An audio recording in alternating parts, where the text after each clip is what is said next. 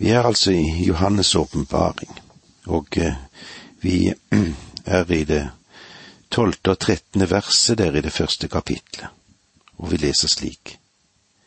Jeg vendte meg for å se ham som talte til meg. Da så jeg sju lysestaker av gull, og midt mellom lysestaken en som var lik en menneskesønn, kledd i fotsid kjortel, og med et belte av gull om brystet. Johannes hørte en stemme som en krigstrompet, og det talte til ham. Og så ser vi òg det store bildet av den Herre Jesus Kristus, avbildet av vår store øverste prest. Hans klær de lignet de som øverstepresten hadde. Og hvis du vil ta deg tid til å lese dette, så ser du det i andre Mosebok i det 28. kapitlet vers to til fire der. Disse klær, de representerer Kristi iboende rettferdighet. I ham er det ingen synd, og han vet ikke om noen synd. Angående beltet så forteller Josefus at prestene hadde belte rundt brystet. Det vanlige var å ha belte rundt hoftene. Men her ligger vekten ikke på tjeneste, men på styrke. Dette taler om hans dom i sannhet. Bibelen ber oss om å se på vår store øverste prest der han står midt imellom menighetene. Han vurderer, og han dømmer sin kirke. Han dømmer de troende for at lyset skal fortsatt skinne. Det er viktig å se denne tjeneste som Kristus nå har. Han dømmer de troende for at lyset skal fortsette å skinne. Først møter vi Kristi forbønn. Han er vår store øverste prest. Han står ved gullalteret i himmelen i dag, der han alltid lever for å gå i forbønn for oss, som det står i Hebrebrevet 725. Og vi er inderlig takknemlige for denne del av hans tjeneste. Det er en vidunderlig ting. Han går i forbønn for oss. For det andre ser vi at Kristus er den som griper inn. Han går fra det helligste til rensekaret. Her vasker han føttene for dem som er hans egne. Han tvetter dem som har bekjent sin synd.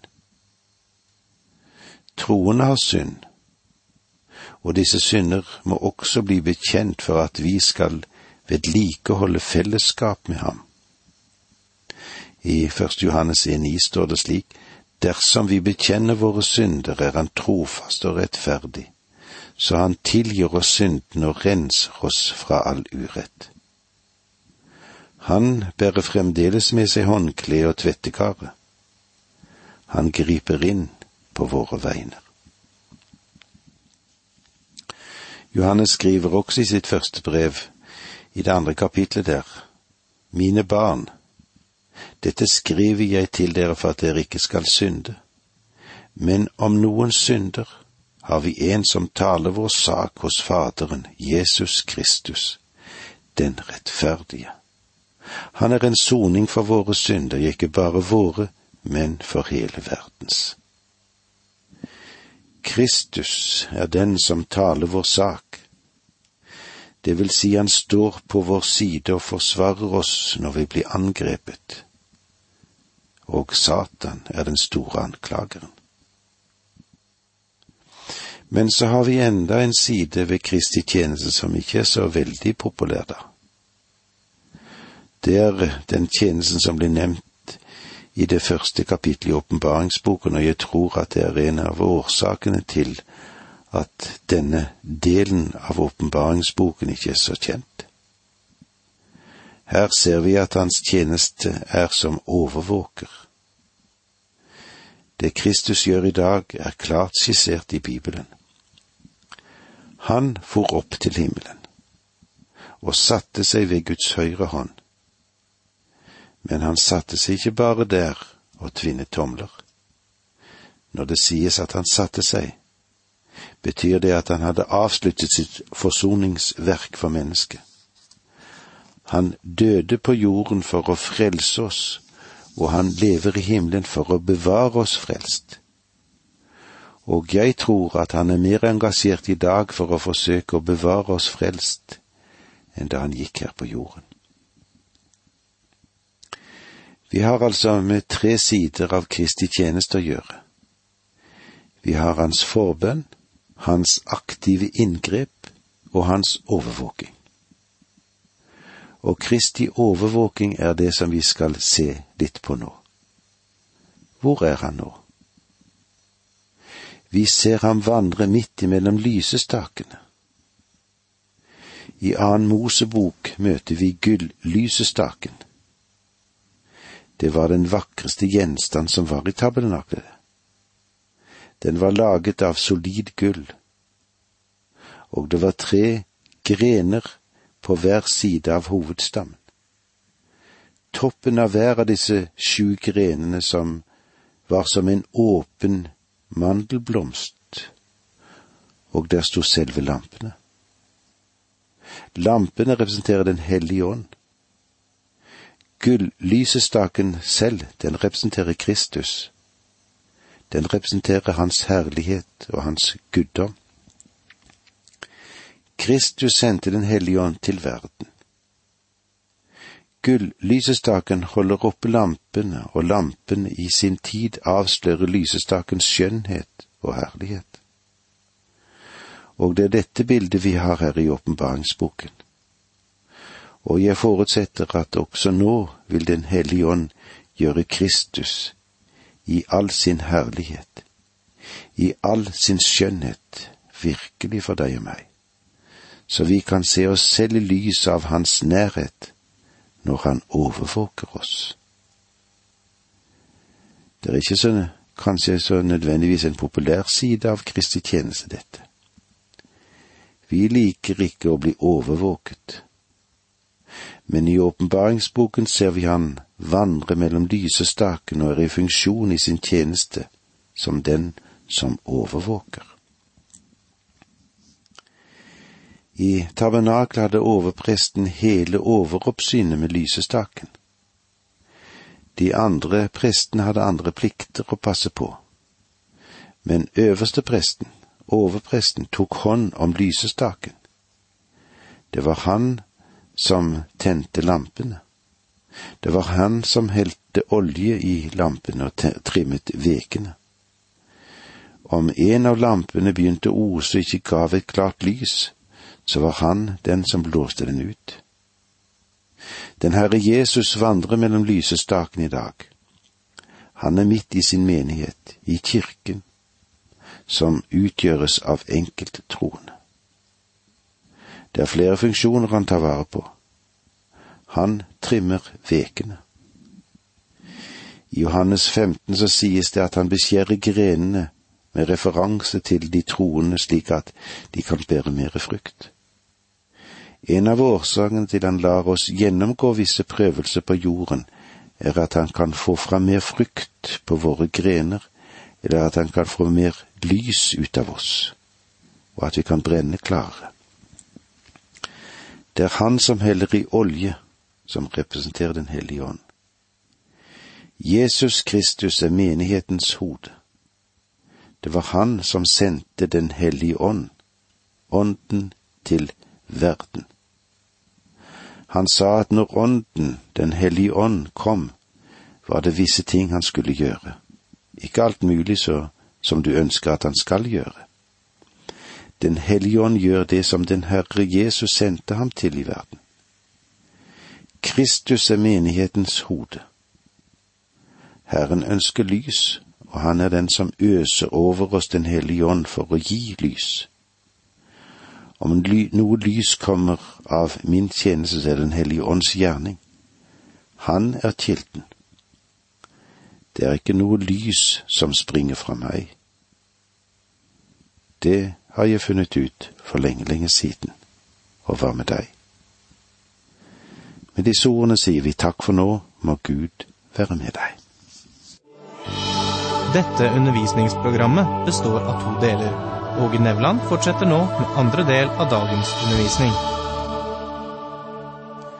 Vi er i Johannes' åpenbaring, denne boken som har så mye å si oss og gi oss. Det er den siste boken vi har i Bibelen, men den peker hen mot det som vil komme.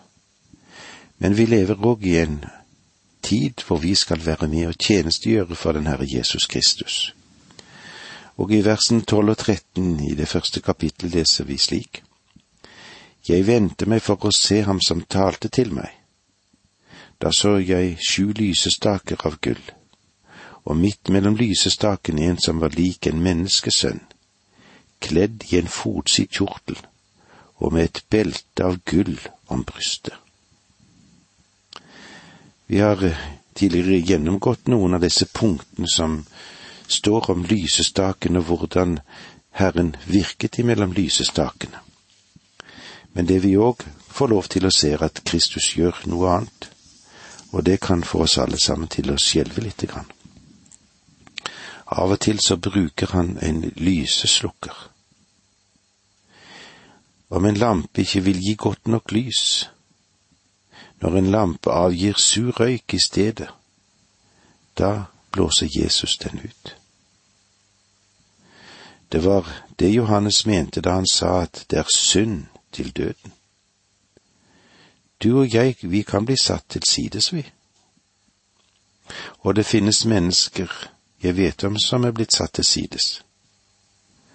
Det kan òg være forkynnere og menighetsledere, diakoner og søndagsskolelærere. Kristus satte dem til side. Han vandrer mellom lysestakene, og han ønsker at de skal avgi lys. Alvorlige sider som vi er innom. Og så leser vi videre da i vers 14 og 15 i det første kapittelet i åpenbaringsboken. Hans hode og hår var hvitt som hvit ull, eller som snø, og øynene som flammende ild. Føttene som var bronse glødet i en ovn, og røsten lød som brus av veldige vannmasser. Hans hode og hår var hvitt som hvit ull eller som snø. Her taler han om hans evige eksistens. Han er den gamle av dage, som det står i Daniel syv, ni og øynene som flammende ild. Her taler han om hans gjennomtrengende innsikt og den fulle kjennskap til det totale liv som finnes i menigheten. Han vet alle ting om deg. Han vet alt om meg. Og han satt ved tempelkisten og så hvordan folket gav. Sist søndag så han deg da du ga din gave i offerbøssen. Kanskje du ikke var deg bevisst om at noen visste hva du gav. Det var hans øyne som møtte Simon Peter sine øyne etter at han hadde fornektet ham. Etter det gikk Peter ut og gråt. Å, om du bare kunne få fatt i Frelserens øyne i dag. Du vet han ser på oss. Føttene var som bronse glødet i en ovn.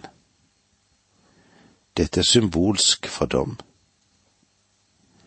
Bronsealteret utenfor tabernaklet representerer Kristi gjerning her nede på jorden, da han døde på korset. Det var her han bar din og min dom for synd. Og nå dømmer han oss som er hans egne. Menneskenaturen gjør opprør mot å bli bedømt og dømt. Menneskene de vil gjerne ha en liten nusselig pakke med regler og forordninger som de kan holde. Det er en tendens av oss alle sammen å bli bokstavtreller. Vi vil ikke leve ved nåde eller av nåde. Gi kristne noen få enkle regler som de kan klare å overkomme, ja, da er de lykkelige. Nå er resultatet en gruppe som er mer kjent som pasienter eller som krigere. Det er små førstehjelpsstasjoner både her og der for å ta hånd om våre små plager. Hvorfor? Menneskenaturen vil males som en katt når den blir strøket med hårene, men den vil sette piggen ut når noe blir påpekt at han ikke har gjort jobben sin. Og det er årsaken til at Kristi gjerning som overvåker, eller inspektør om du vil, stort sett er oversett av menighetene. Han innehar nemlig stillingen som dommeren over menighetene og han stryker oss ikke med hårene. Han overser ikke det han ser. Han lukker ikke øynene sine for synd og feil. Stadig appellerer han til sine egne. Vend om. Og dette vil vi merke når vi vandrer gjennom åpenbaringsboken. Han sier til din menighet, og han sier til min menighet.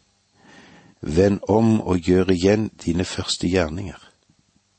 Ellers kommer jeg over deg og tar lysestaken din bort, hvis du ikke vender om. Slik står det i Åpenbaringen 2.5. Gjennom tidene har Laudikea-menighetene brydd seg lite om hva Kristus har å si. Som en har sagt, det er en Herre i herligheten, men i kirken har vi mistet synet på ham. Og røsten lød som brus av veldige vannmasser. Det er et uttrykk for autoritet. Den stemmen som kalte universet frem ved sitt bli. Det er også den stemme som skal oppreise fra graven den stemmen som skal løfte hans egne ut av verden for at de skal være med ham for alltid. Alle disse språkbildene legger biter til bildet av Kristus som vår øverste prest. Han som overvåker og dømmer sin kirke. Fest blikket på din øverste prest. Guds ånd vil hjelpe deg til å se ham i all sin skjønnhet og herlighet. Det finnes ingen som ham. I det sekstende verset leser vi slik. I sin høyre hånd holdt han sju stjerner, og fra hans munn gikk det ut et skarpt tveegget sverd. Ansiktet var som solen, når den skinner i all sin kraft. I sin høyre hånd holdt han sju stjerner, det betyr at han kontrollerer dette universet. Fra hans munn gikk det ut et skarpt, tveegget sverd. Bibelen forteller oss at sverdet representerer hans ord. I Hebrebrevet 4,12 står det, for Guds ord er levende og virkekraftig og skarpere enn noe tveegget sverd. Det trenger igjennom til å kløve sjel, ånd, marg og ben, og dømmer hjertets tanker og planer. Gud dømmer ved sitt ord. Han dømmer ved det også i dag. Når han taler ordet, så er det best at vi noterer hva han sier, for han mener alvor. Ansiktet var som solen, når den skinner i all sin kraft. Du kan ikke engang se mot solen. Tror du at vi vil ha mulighet til å se på Skaperen som skapte solen? Han som er den herliggjorte Kristus. Dette er egentlig et veldig bilde som vi står over her. Ikke bare ett, men mange bilder. Vers 17 Da jeg så ham, falt jeg som død ned for føttene hans. Men han la sin høyre hånd på meg og sa, frykt ikke, jeg er den første og den siste. Johannes er en av de disipler som hadde den nærmeste kontakt med Kristus på jorden. Han er den som lå opp til hans bryst på den øvre sal. Johannes sto den Herre Jesus Kristus svært nær. Faktisk så tillot han seg å formane ham ved et tilfelle.